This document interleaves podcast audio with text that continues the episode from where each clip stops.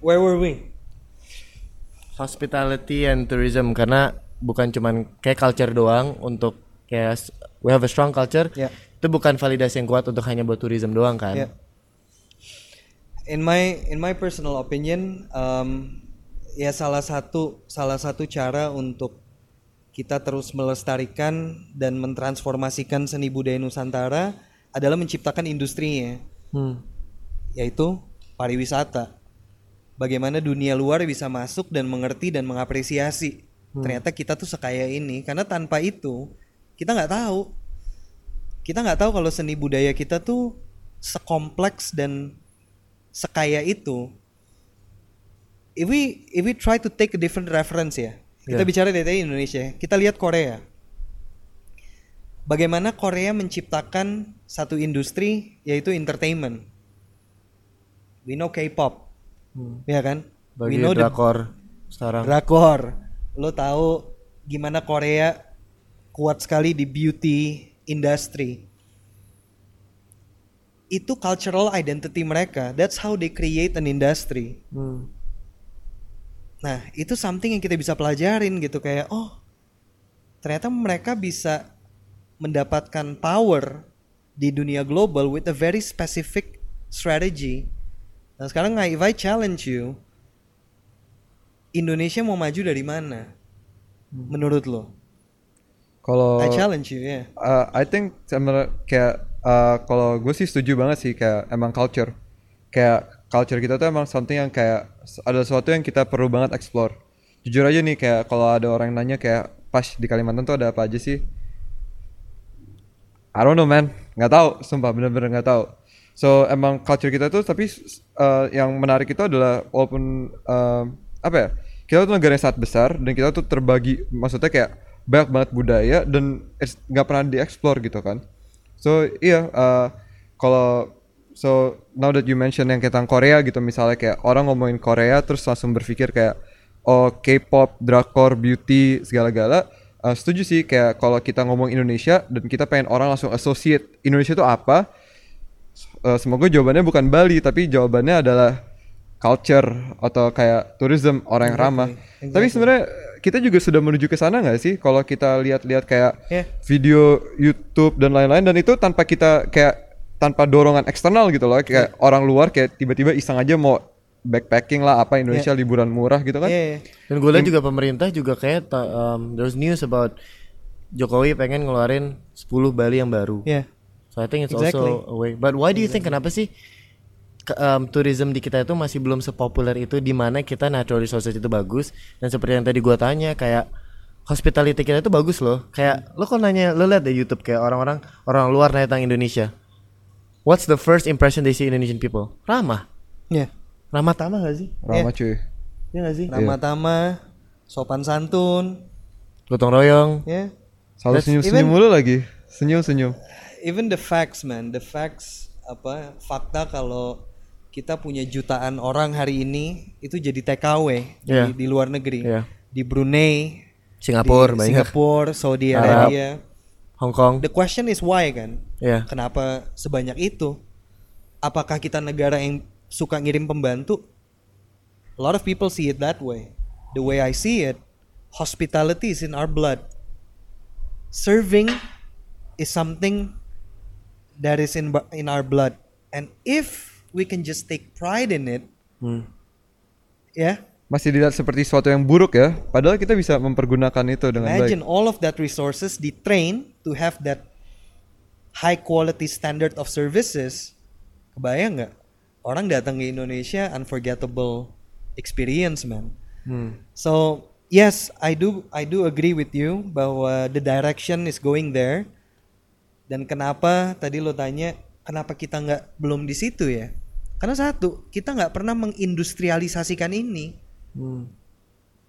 Kita tahu alam kita indah. Ya. Kita tahu seni budaya kita kaya. Hmm. Kita tahu manusianya ramah tamah dan sopan santun. Ya. Kalau kita ngelihat tiga fakta ini, industri yang cocok buat ini tuh apa? Pariwisata, alam indah, orangnya baik, Hmm. Seni budayanya kuat, banyak yang mereka bisa pelajarin di sini. Hmm. We are the most diverse country, man. Lo mau Islam ada, mau Christianity ada, mau Buddhis, mau Hindu, mau Catholic, Konghucu ada. Even people can travel for a spiritual experience. Nah, jadi I don't know, man. Do we want to compete with the world through technology? I don't know. Some people might have a different opinion. Do we want to compete with the world through education? I don't know. Do we want to compete with the world through our healthcare system? Hmm. I don't know. Do we want to compete with the world through sports? Hmm. I don't know. Jadi I think if we look at Korea, we look at China, Ya. gitu how they they focus on on building their foundation as a manufacturer of the world. Mungkin mereka ngelihat ke diri mereka, what do you like to do? I like to work. Hmm. That's all that's all what I want to do. Hmm. Ya udah, yang cocok buat orang yang suka kerja apa? Pabrik. Kerja. Tapi menurut lu tuh ada ada yang salah bukan yang salah ya maksudnya kenapa sih I still don't have the answer to, that again. Kenapa Indonesia industri traveling kita tuh masih belum maju? Apakah budaya juga play important role? Karena from what I hear dulu ada tuh kayak pembicaraan di mana yang kayak oh misalnya ada kan banyak untapped places di Indonesia. Mau say for example Ambon. I've been to Ambon dan itu indah banget. Ora Beach semua itu indah. Ya mungkin salah satu yang terbelakang itu adalah pertama pasti infrastrukturnya ke sana jauh dan lama memang. Ya. Tapi gue juga dengar kayak ada juga yang kayak budayanya itu juga terlalu konservatif. Mereka nggak mau orang orang baru datang ke sana. Hmm. Is that something that of course you're aware of? Of course, of course. Dan gimana how can gimana Yeah. kita industri traveling industri kita bisa maju kalau misalnya budaya kita masih strong dan tidak mau accept menerima orang-orang luar, apalagi orang luar negeri. Yeah. Siapa lu gitu loh. Yes. That's why pada saat lu punya industri, lu punya rules and regulation. Kalau nggak ada industrinya, everyone can do whatever they want. Ya. Itu makanya mereka merasa terancam, masyarakat adat merasa terancam karena tiba-tiba ujuk-ujuk bule datang ke sini, they feel like, hey, what is this? Hmm. Kenapa? Indonesia nggak pernah maju ke dunia untuk bilang we will be the tourism destination of the world. Hmm. Kan kalau dibilang semua siap. Hmm. Ini kita nggak tahu. Itu makanya where are we today? Hmm. Iya kan? Ya. Itu yang penting gitu yang semua orang mesti tahu kayak Indonesia nih mau ke mana. Karena kalau arahnya jelas semua ngikut menurut gue. There will be there will be different opinions. Tapi I think kenapa mereka resistance dengan itu karena they're not sure is it a good thing or not. Oke. Iya kan? Ini Oke. bener gak sih buat gue? Oke. Nah itu. Oke. kita transisi dikit kali ya. Yes. Jadi kita ngomongin uh, itu kan uh, tentang tadi tourism gitu. Jadi what you say that uh, sebenarnya Indonesia itu sekarang lagi agak salah fokus branding gitu. Sebenarnya kita harusnya fokus branding ke pariwisata I pariwisata don't know. kita I aja. wouldn't say that. man. I don't know. I don't know. Cuman mungkin ya mungkin dulu tuh orang traveling tuh konsepnya menjelajah kan. Ya. Kayak kayak adventure gitu. Ya. Sekarang tuh beda. Orang tuh travel tuh leisure. Oke. Iya kan? Bukan kayak bukan kayak dulu gitu. Jadi menurut gue this is the timing. Gue nggak bilang ini kita telat. Kenapa Indonesia dari dulu nggak seperti ini? No. But for me this is the time. Kenapa gitu? Karena first kita lihat tren generasi muda deh, Ya. ya. Based on my research, tidak pernah ada era di mana environmental issue itu sebesar ini men hari ini. Ya. That the younger generation are paying attention to what's going on with the nature. Never at this scale. Ya. Kita hari ini punya Greta. 15, 16 years old girls, Greta, Scandinavian girl, screaming, screaming about the environment. Never happened before. Itu satu. Kedua, mental issue. I think going back to the previous generation, nggak pernah mental issue tuh punya punya scale dan punya urgency itu yang sebesar itu.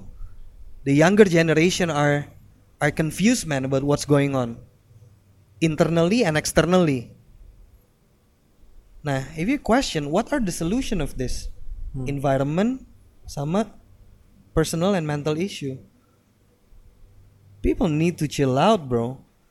people need to have a holiday. People need to relax. People need to have a spiritual awakening. And I always see, you know, Indonesia could be a destination for that. You can come here, you learn, and then you come back as a new individual. Dan dari situ kayaknya I saw that in your Instagram juga bahwa you also um, promote kembali berwisata. Hmm. Dan kalau gue lihat juga dari Instagram kembali berwisata kan itu lebih emphasize seperti sustainable tourism. Mungkin gue juga sendiri awalnya bingung sustainable tourism itu apa. Hmm. Karena sustainable dan tourism mungkin dua kata yang berbeda gitu nggak sih? Hmm. Apa maksud sustainable tourism? Kayak sustainability kan kayak kita mikir soal ke associate sama apa? Sampah. Yeah, Iya sih? plastik. Bukan sama tourism. Yeah. Kayak for me that platform gitu ya, kembali berwisata is a place for me to learn sih sebenarnya. I always have this interest about tourism kan. Oke. Tapi what kind of tourism? Ya kan, that's the big question mark. Nah makanya kembali berwisata ini lahir, gue mencoba menciptakan ruang untuk gue belajar. Karena kalau kita cuman fokus ke tourism doang, without thinking about the sustainable aspect of it, ngeri man. Lo udah lihat beberapa daerah di Indonesia yang alamnya bagus, tapi waste managementnya berantakan.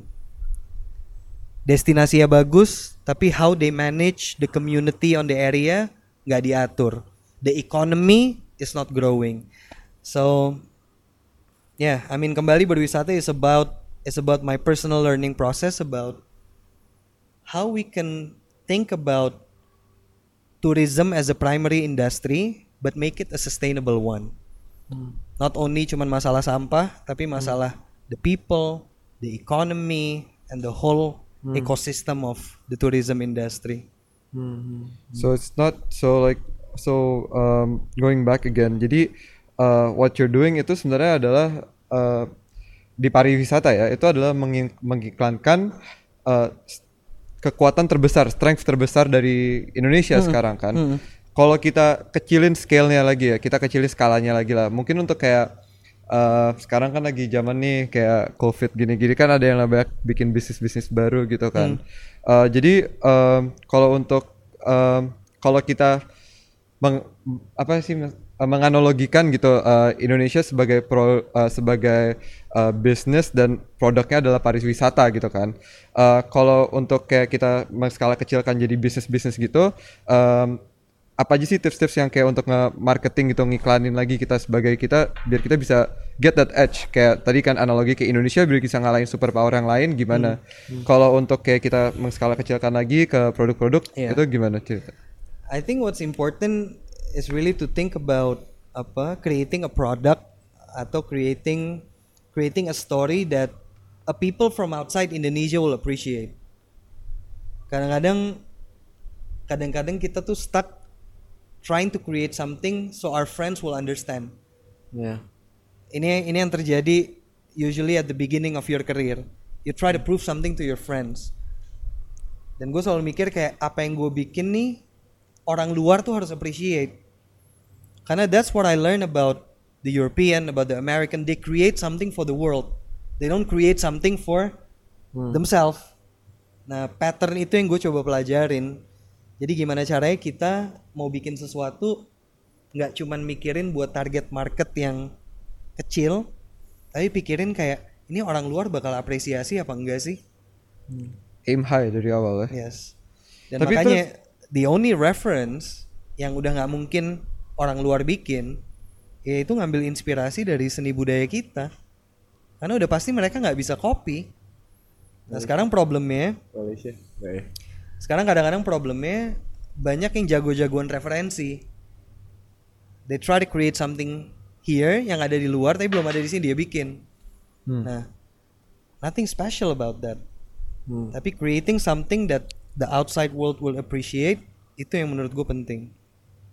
Jadi ada penting ya kalau sebenarnya kita tuh harus melihat kayak sebenarnya we've been kita tuh ngelihat ke arah yang salah. Kita dari dulu ngeliat keluar, padahal sebenarnya jawabannya tuh ada di Ada di dalam. dalam. Dan gue juga ngerasain sih itu kayak misalnya setiap kali um, gue ada project sama teman atau apa, mau what's the name? Itu kan pasti dari awal kan. First meeting pasti kita mau mikir, misalnya kita mau bikin sportswear atau kita mau bikin makanan, itu kan pasti mikirin namanya apa dulu nih dan gue nggak bisa pungkiri juga kebanyakan dari kita pasti ngeliat oh bahasa Latinnya ini apa?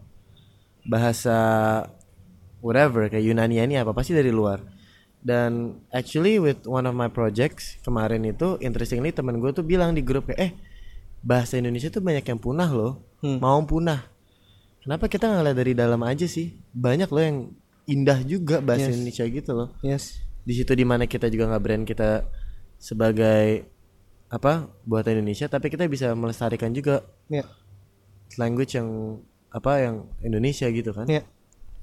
Karena apa ada ada fakta menarik ya, ada fak- fakta menarik soal eh, masyarakat Nusantara yang gue pernah diceritain sama temen gue tuh itu kena banget gue. Dia bilang Nan, Indonesia tuh sepecah itu loh. Gue kayak I know, but tell me more. What's be more specific? Pecahnya di mana? Dia bilang ada dua hal. Dia bilang kita bicara soal kain deh selama ratusan tahun masyarakat Indo masyarakat Nusantara tuh pakai kain. ya Ya lo tau lah, ada kain yang dipakai di celana, ada yang dipakai di sini, ada yang dipakai di kepala. Oh ya, I know gitu, I know. Dan gue tanya kenapa? Kenapa emang masyarakat Indonesia pakai kain? Sedangkan masyarakat luar, kalau orang luar tuh ngurus tuh. Dava size-nya S, M, L, XL. Ya. Desainnya satu, ukurannya beda-beda. You take it or leave it. ya Itu kan konsep Eropa kan? ya Kalau masyarakat Nusantara enggak. Karena kita pernah dikenal sebagai masyarakat seniman. Kita pernah dikenal kayak wah ini tanah ini seniman semua isinya. Hmm. Karena apa? Isinya pematung, penari, pemahat, pelukis. Kita pernah terkenal itu. Nah, kain itu adalah salah satu manifestasi dari seniman apresiasi terhadap other seniman.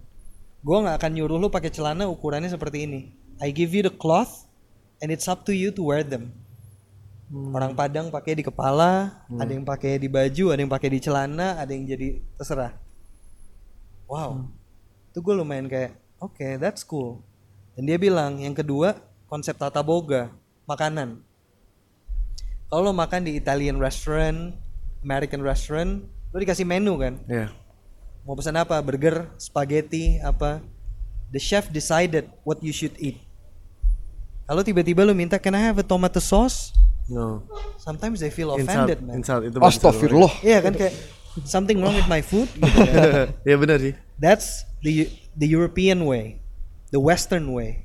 Tapi kalau kita sampai hari ini kita punya konsep apa? Prasmanan. ramah tamah Oh, prasmanan cuy. Prasmanan, bro. Kayak I'm the chef creating a dish for an artist. It's up to you nasinya mau sebanyak apa, sambelnya mau sebanyak apa, ayamnya sebanyak apa, it's up to you. You're the artist. Ada konsep kemerdekaan menurut gue di dalam situ. hmm. Kayak masakan Padang gitu kan di Kayak masakan Padang, semua gitu. terserah. Up to you. And when I was when I was exposed, when I was exposed to that concept, gue kayak gila ternyata kita sekeren itu gitu loh at that time. Artist to artist gitu. nah untuk sekeren Sebentar, itu Dav, sebentar, Dav. Kayak ada yang mau nanya deh, Dav. oh iya Apa nih, Zak? Please, Iya, iya, sorry nih. eh, agak interrupting. Nggak apa-apa, nggak apa-apa. please bro. Iya, jadi masa cuman Pasha sama Dava doang yang tanya ya. Tapi gue ada pertanyaan penting nih buat Kak Kinan. Jadi tadi kan ngebahas soal tourism gitu ya. Hmm. Dan bagaimana tourism tuh bisa berdampak, berdampak gede gitu di di mata dunia atau bahkan ya buat uh, kepentingan ekonomi dan lain-lain. Hmm. Cuman kita ya sebagai anak muda perannya apa sih gitu untuk apa ya bangga menjadi orang Indonesia dan bagaimana kita bisa membawa nama Indonesia tuh dengan apa ya supaya orang-orang di luar sana bisa lebih mengerti budaya kita lebih dalam dan mungkin sejarahnya dan lain-lain. Itu aja dari gue. Ah, Thank you guys. It's a it's a beautiful question man. Lu belum bilang nama lu dari mana, umur berapa? Namanya Zaki Muksan, it's dia single, guys. unknown, bro. Lu pakai udah pakai masker gitu, black on black tuh kayaknya ini banget.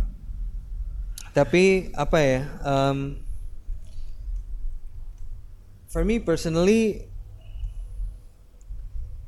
kayak kecintaan kecintaan gua akan akan akan Indonesia tuh apa? Bukan hanya karena kerjaan kerjaan gua atau apa, tapi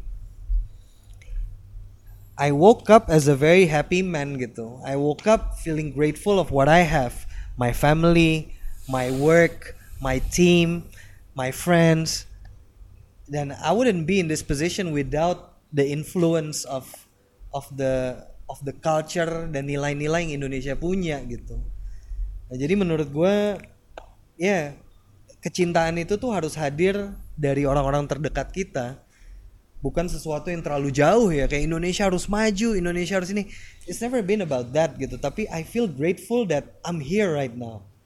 Surrounded by these people surrounded by this environment surrounded by this beauty. I love you guys. jadi kalau gua nggak if I don't love this if I don't find the reason why I love my life and love what I do love my family love my kids love my job love my team. Berarti gue lost man. Nah so I I give Indonesia as the credit. Ini ini ini yang bikin gue ada di sini sekarang gitu. So I think this is a time for me to show back my love. Yaitu dengan keyakinan gila. You know with this environment with this people with this beauty I need to do something gitu loh. Hmm. So other people can come and experience this. Ya makanya dan that's why tourism happen gitu. And I think a lot of people will have a different manifestation of this thinking. Ya kan? Tapi tapi apa yang penting banget menurut gua kecintaan itu harus di harus dibangun. Ya kan? So yeah that's my my answer man. Thank you udah terjawab kok. yes. Let me guess Padang Jawab. Jawa damn mungkin bukan master ya. Eh, Jawa, Jawa, Jawa, Jawa. Jawa, Yeah. Jawa, Jawa. Hey, guess where I'm from. Which part of Indonesia I came from? Londo, Londo. Aduh, kan. No, really, guess, guess. Sunda. Sunda, Ah, uh, somewhere Jawa tapi nggak tahu. Jawa, Sama Banjar. hah? Banjar. Banjar where? Ah. Cuman berdasarkan uh, ya. Ah, Riset. bisa. guess.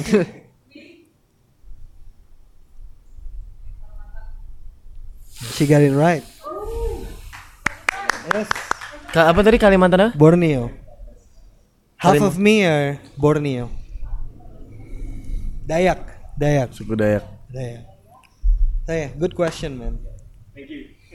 Please. Kinan, mungkin um, one of the last question. You The last. one I Belum, belum, just belum, belum. Bentar, man. sebentar, sebentar. Gue mau nanya dulu nih. Gue mau nanya dulu nih. I thought we're just getting uh, started. kita beralih ya dari yang permas kayak dari yang Indonesia dan turisme ini. Yeah, yeah. Um, yang gue penasaran nih. Dan kalau ini terlalu personal, maaf banget, maaf banget. Cuma Bisa gue tuh bisa di-cut. seseorang yang ya bisa dikat kalau mau. Tapi gue tuh seseorang yang sangat mempunyai problem dengan personal branding. Jadi gue dari dulu sih gue tahu kayak gue tuh orang seperti apa. Kayak gue tahu gue orang seperti apa.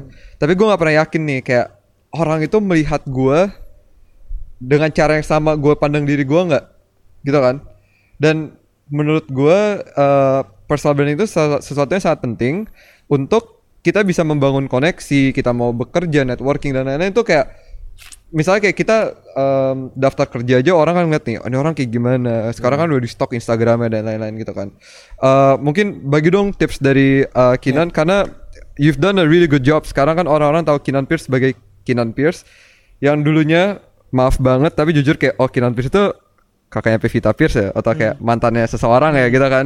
Kayak how did you uh, overlap that uh, image? Dan akhirnya membangun kayak image sendiri kayak gue itu Kinan Pierce. Gue itu Stoic Trisula. Gitu. Karena mungkin ini beberapa relevan juga untuk beberapa dari kita yang also living under the shadow. Mungkin ada juga yang kayak bapaknya seseorang, mantannya seseorang ya dah bapaknya seseorang atau apa dan we have to like show ourselves that we can be better than our parents gitu. Dan dan ini bukan hanya untuk misalnya pacar seseorang atau apa kayak keluarga itu kan juga pasti play important. And, and I do talk to my friend yang dari keluarga itu tuh juga it's of course a pressure apalagi berlulus kuliah dan kita mau kerja dan I think Okay. that's why I wanna really it. wanna know about personal branding and There's there's two things that you need to strongly differentiate.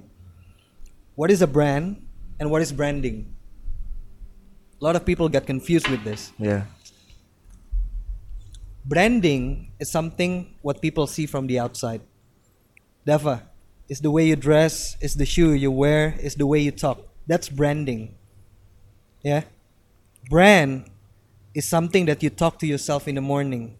Something that you see yourself in the pic in the mirror, who I am. That's a brand. Today, a lot of people focusing on the branding. Gue pengen dilihat di luar tuh seperti apa, but they don't know shit about themselves. Yeah. Ini yang jadi masalah. Uff. They're focusing on the branding. Fokusnya di luar nih. The brand, baju yang mereka pakai, cara ngomongnya, who I am. But they never focus on what's the inside. So my biggest suggestion in order for you to do branding, you need to build a brand. Lo mesti mesti ngedefine who you are. Dari situ lo tahu lo cara ngomongnya gimana, pakai bajunya kayak gimana. Jangan sampai lo fokus pakai bajunya bagaimana, cara ngomongnya gimana, tapi lo pulang kayak battling. Who the fuck am I? Jadi harus tahu diri kita sendiri dulu. Harus ngomong sama diri sendiri dulu. Who am I? What I wanna do? Tapi kan masih ada faktor yang kayak kita harus tetap mengalahkan persepsi luar gitu loh. Kayak going back kayak I think kayak to be honest kayak uh, Kinan itu contoh yang sangat perfect untuk contoh untuk soal ini. Um, karena dari awal yang kayak awalnya yang tadi yang as I said kan kayak kakaknya seseorang, mantan seseorang, tapi mengalahkan itu mungkin di saat orang-orang uh, bilang kayak oh ya Kinan Pierce gue tahu tuh dia uh, kakaknya Pevita kan gitu kan. Tapi kan mungkin uh, you already know your brand. Tapi gimana akhirnya kita bisa mengalahkan itu loh kayak Dan image yang di luar mengkomunikasikan itu. itu tuh gimana? Iya. Pasti kan I it was a struggle think- at first, maybe course, I don't know. Of course, of course. Tapi again, it goes back. It goes back to to what my mom said gitu. What problem do you wanna solve? Gitu. Jadi gua nggak fokus ke situ ya. I'm focus about gue mau ngapain nih. Masalah apa yang mau gue solve dalam hidup gue dan itu bisa jadi bisa jadi apa yang gue pegang for a very long time. Jadi I never focus on switching who I am before to who I am right now. It's never been my my goal. My goal is to find something that I believe and I keep going and I keep pushing. Karena pada saat itu pun I was doing something that I believe. You know what I mean? It's not a battle gitu. It's just like, you know, I woke up today, this is what I want to do. I'm focusing on that. Jadi kita ikutin aja apa pun yang kita itu. Ikutin aja, man. Apa I I put an ink. I put an ink on my on my hand here that says live gratefully. Tapi kak, apakah sesuatu that that would take time? Would you say that? Karena awalnya That's that's deep right there. That's personal right there. Like how long am I handling this? shit? sorry sorry not, Sampai not- kapan ya orang-orang Maksud- bilang gue mantannya. Maksud gue tuh adalah yang kayak apa ya? Um, I think living in a shadow itu mungkin beberapa dari anak muda itu kan is a struggle for us dan di mana kita harus selalu look better in front of them. Damn, bro, you you takes me back to something that I say four years ago, man. Ini gue cuma bilang sama sama lo nih. Waduh berarti Ke- Cuma ketujuan kamu. ketujuan, cuman ketujuan. Ketujuan, kan? I said this, I think three, four years ago, and it's still relevant. But I'm gonna tell it again. Sometimes, sometimes, in order for you to to experience the best life, you need to create a shark behind you. You know, imagine lo lagi di laut, harus ada hiu di belakang lo. Hmm. Why? Biar Supaya lo terus berenang. berenang. ya. it's not too big that it will eat you and it's not too small that will make you chill it's just big enough to keeps you running Hmm. and sometimes that shark can be someone very close to you Hmm.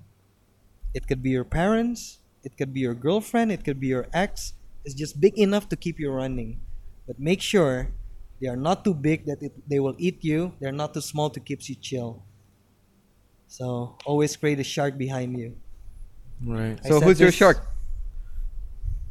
at that time, the things that you said. The closest person behind me was actually the shark. That that that motivates me to to create my own ocean.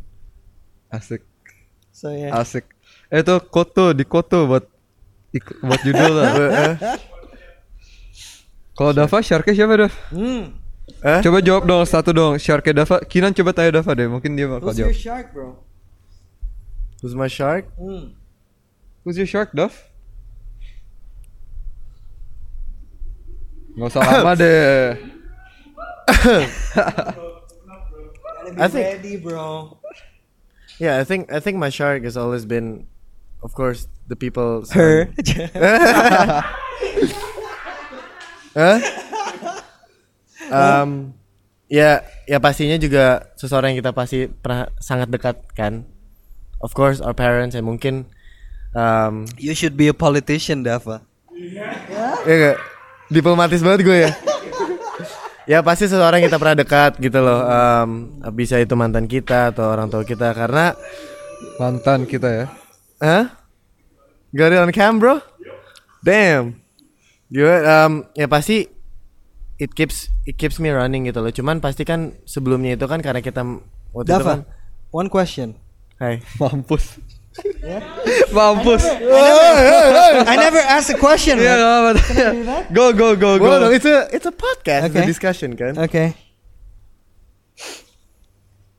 What is your biggest regret? Hah? Biggest regret. Gak tahu kalau gue sih nontonnya dari ini apa? Yang apa sih Nora Grace tuh? Apaan sih? Nggak lucu, nggak lucu, lucu nggak ya? lucu, nggak lucu. My biggest regret. Hmm. Let me think. Give it, give me, give me, give me a moment. Just give me a moment. Ya nanti lo ya. Ya, Habis gampang, ya. gampang. Mungkin salah satunya adalah um, going to high school abroad in in going going to Singapore when I was in high school gitu. Menurut gue salah satu hal ya apa ya yang paling in my opinion being di luar terlalu lama dan gue sebagai anak tunggal itu I do feel quite disconnected with my parents gitu. And of course, family is the most important thing for us dan yang was always love you unconditionally. Dan pastinya as I grow older, semakin gue merasa sadar bahwa kita tuh harus sebisa mungkin dekat sama keluarga karena they are the one who support you from day one, you know? Day one, day zero. You won't be you won't be, be sitting here without your parents now, right? Iyalah, lu keluar dari biji bokap lu. Itu dia. Nah dari gue waktu itu dua tahun di Singapura, sekarang tiga usia tiga tahun di Melbourne, I just, I do feel almost three years jadi, I do feel that the love and connection I have with my parents itu nggak semaksimal itu kalau misalnya gue di sini. Makanya kadang tuh gue juga ngira kayak gue ini baru sampai gue baru lulus ke gue baru lulus uh, kuliah. I also wanna think like okay, I cause uh, actually right interesting approach. Gue pernah nanya teman gue, uh, my my sahabat gue. Um, sorry if this gets too long, okay, guys can cut it. Sahabat gue tuh gue nanya kayak, eh lo kan baru lulus kuliah nih, lo mau ngapain? I think that's a very um, standard question gak sih dari kita? Yeah. Lo lulus kuliah, kayak kalau misalnya lo nggak ngapa-ngapain tuh kayak you, you, so, you, you look so like man, lo males banget gitu kan? Dan temen gue ini approach-nya interesting dan itu lumayan agak kena ke gue.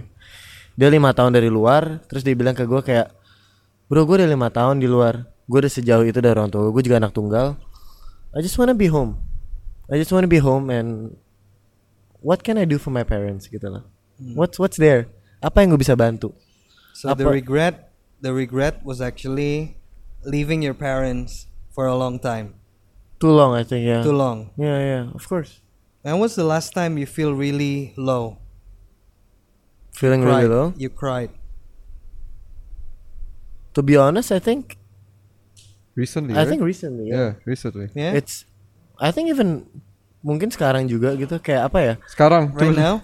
Nangis, No, nangis. no, No, the- not, the- not, not that, not that. the idea, the idea of this podcast, you want your viewers to find purpose, right? Yes. As so much as I find purpose in my life exactly. karena going back to Indonesia I always think like wah di Indonesia tuh kayak opportunities itu banyak banget. Ya kan? And you see that um you see that in Indonesia is always in my opinion it's always about knowing people network. That's when opportunities are are there. Right maybe tadi kita obrolin networking juga kan? Cuman gue merasa kayak um, saking banyak opportunitasnya itu jadi lu bingung which one to pursue? Hmm. maybe maybe at that time you also felt that Hmm. ada tawaran ini ada misalnya gue mau build karir di corporate atau misalnya gue mau ini mau itu dan itu bisa jadi overwhelming gak sih menurut lo Could be, could be. Jadi kebanyakan oportunitas tuh kadang bukannya sebagai something that is in front of you, tapi juga because something that is a shark to you. Ya gak sih? Do you feel that? I think- feel that, but I feel you still being a politician right now. so Pasha, tell me your lowest point. Tell me, come on. Ah, aduh, gue sih bukan siapa-siapa ya, jadi kayak mungkin gak terlalu Eh, nggak terlalu kayak di still, ini kan. Tapi gue gue mirip-mirip sama Dava sih. Em, lebih ke walaupun gue aja orang yang kayak di gue beda sama yang lain. gue kuliah di Indonesia kan. Gue masih kuliah. gue ingat yang kayak paling terakhir ini yang bikin gue kayak sedih banget gitu dan gue nyesel adalah eh, ketika gue di eh, kayak gue lagi ngob- ngobrol sama sama Zaki kayak lagi ngomongin tentang kayak umur umur bokap sama nyokap gitu kah Terus kayak gue sadar kayak anjir bokap nyokap gue tuh udah tua banget deh how old gitu. are they? Uh, my dad is uh, 60 Okay. 60 57 Hostnya 63. berubah nih sekarang. 63 gitu. Yeah, go. My mom li- 50 mau 50. Terus kayak I was so I remember kayak gue sedih aja karena kayak uh, gue take it for granted gitu loh. Um, ya itu sih yang kayak regret yang terbesar tuh kayak gue karena kayak nyokap bokap gue kan udah pisah dari gue kecil gitu dan gue malah kayak malah kayak nggak deket gitu sama bokap. Bukan kayak nggak deket tapi kayak gue kurang proaktif gitu loh dalam kayak eh pak cabut yuk gitu atau kayak Iya. ngapain gitu? Kayak spend like more quality time together gitu. Karena kayak gue orangnya juga suka kayak awkward canggung-canggung gitu sebenarnya. When it comes to itu. Tapi kenapa sih apa sih yang bikin, kita bikin awkward kadang-kadang sama orang tua kita? kayaknya karena kita kalau dari I don't know ya kalau dari gue sih gue ngerasa kayak um, gue dari dulu tuh kayak orang tua itu adalah sebuah benchmark kayak bos gitu loh kayak bukan bos yang kayak nyuruh-nyuruh gitu tapi kayak ada ekspektasi yang lu nggak mau ancurin gitu dan gue ngerasa kayak semakin lu real ke mereka kadang lu takut Yeah. image yang mereka lihat terhadap lu tuh berubah ganti lebih buruk gitu dan lu nggak mau kan jadi kan lu dari dulu selalu pengen kayak ngasih kayak lu tuh anak yang teladan anak yang baik gitu kan Apalagi Tapi- gimana gue bro anak tunggal. Apa- tapi kayak Tapi gua udah- apa? Um, maybe maybe this could be the closing statement ya. I'm responding I'm responding to your to your thoughts and thinking ya. Um, Wait, wait, sebelum itu sebelum itu sebelum itu ya. em, penasaran nih untuk netizen nih ada regret nggak ketika em, Ya, kita seseorang dong. mantan menikah dengan orang lain gitu penasaran aja penasaran aja ini untuk tabloid gitu Never, ini gue balikin nih kan Dava nih gue belain Dava nih kali ini nih Never, bro. Never, ada ya? never, No never. regrets. I'm, I'm living, I'm living the best life. I'm living the best life. Um, I never felt apa so content and and and sure about what I'm having right now. So I didn't regret what happens in the past because I believe what happened in the past puts me in my position right now. So you know, kayak nothing, nothing. I'm Live very gratefully. grateful for Grateful. for for everything. Look grateful nggak Grateful bro. Yeah. grateful ya I'm learning. Tapi, alhamdulillah as a closing statement, I'm gonna tell you, um, you guys, 21, 22, right? For most of our life, from the day we born sampai kita umur 20 tahun, hidup kita dikontrol sama dua hal. One, family. Two, schools. 20 tahun kan. Ya. Lo sekolah, kuliah, whatever, you go back to your home. And then I believe you guys are driven. You guys want to achieve things in life. Ya. Berarti lo punya dari umur 20, let's say until how long? 60? You wanna, you know, achieve and and grinding every day ya sampai lo umur 60 kan? Ya. Setelah 60 you just wanna chill, right? You wanna have your beautiful house, make time with your grandchildren and everything. So let's say 60 above is about enjoying life. Ya. So you have 20 until 60. 60. How long is that? 40. 40. 40 years. 40 years. Think about it. It seems like a long time, right? 40 tahun. Oh, masih banyak. A lot of time to make mistake, a lot of space to experience thing. But dari 40 tahun itu, you cut 7 to 8 hours every day, you go to sleep. Boom. Nothing happened. No decision are made. Pas lu tidur kan 8 jam nothing happen kan? Iya. Ya. So you cut that. And then you have weekends, you have party, you have long weekend. You feel like one day I don't want to do anything. I counted that. Gue hitungin man itu. It cut almost half of your life. Jadi dari 40 tahun productive years, you only have 20 years of actually making decision that will put you in certain position in life. And then I woke up, I realized I'm 22 fucking years old, man. And I feel like it was just in a blink of an eye. So one day we will wake up 60 years old and felt everything just happened so fast. So since then, since since I get that understanding about time, I start making big decision in my life.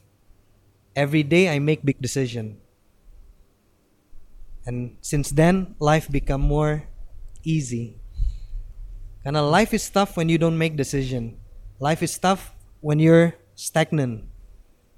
But life is easy when you start making decision every day. And no regret. No regret, man. So, tujuan, thank you for having me, man. Thank you. Kinan. Mungkin mungkin one of the closing statement gak jangan sampai hilang lagi ya ini SD cardnya. Jangan sampai di lagi cuy. Jangan sampai- Thank you, thank you, Thank you, Kiran. Kinan. Thank you so much.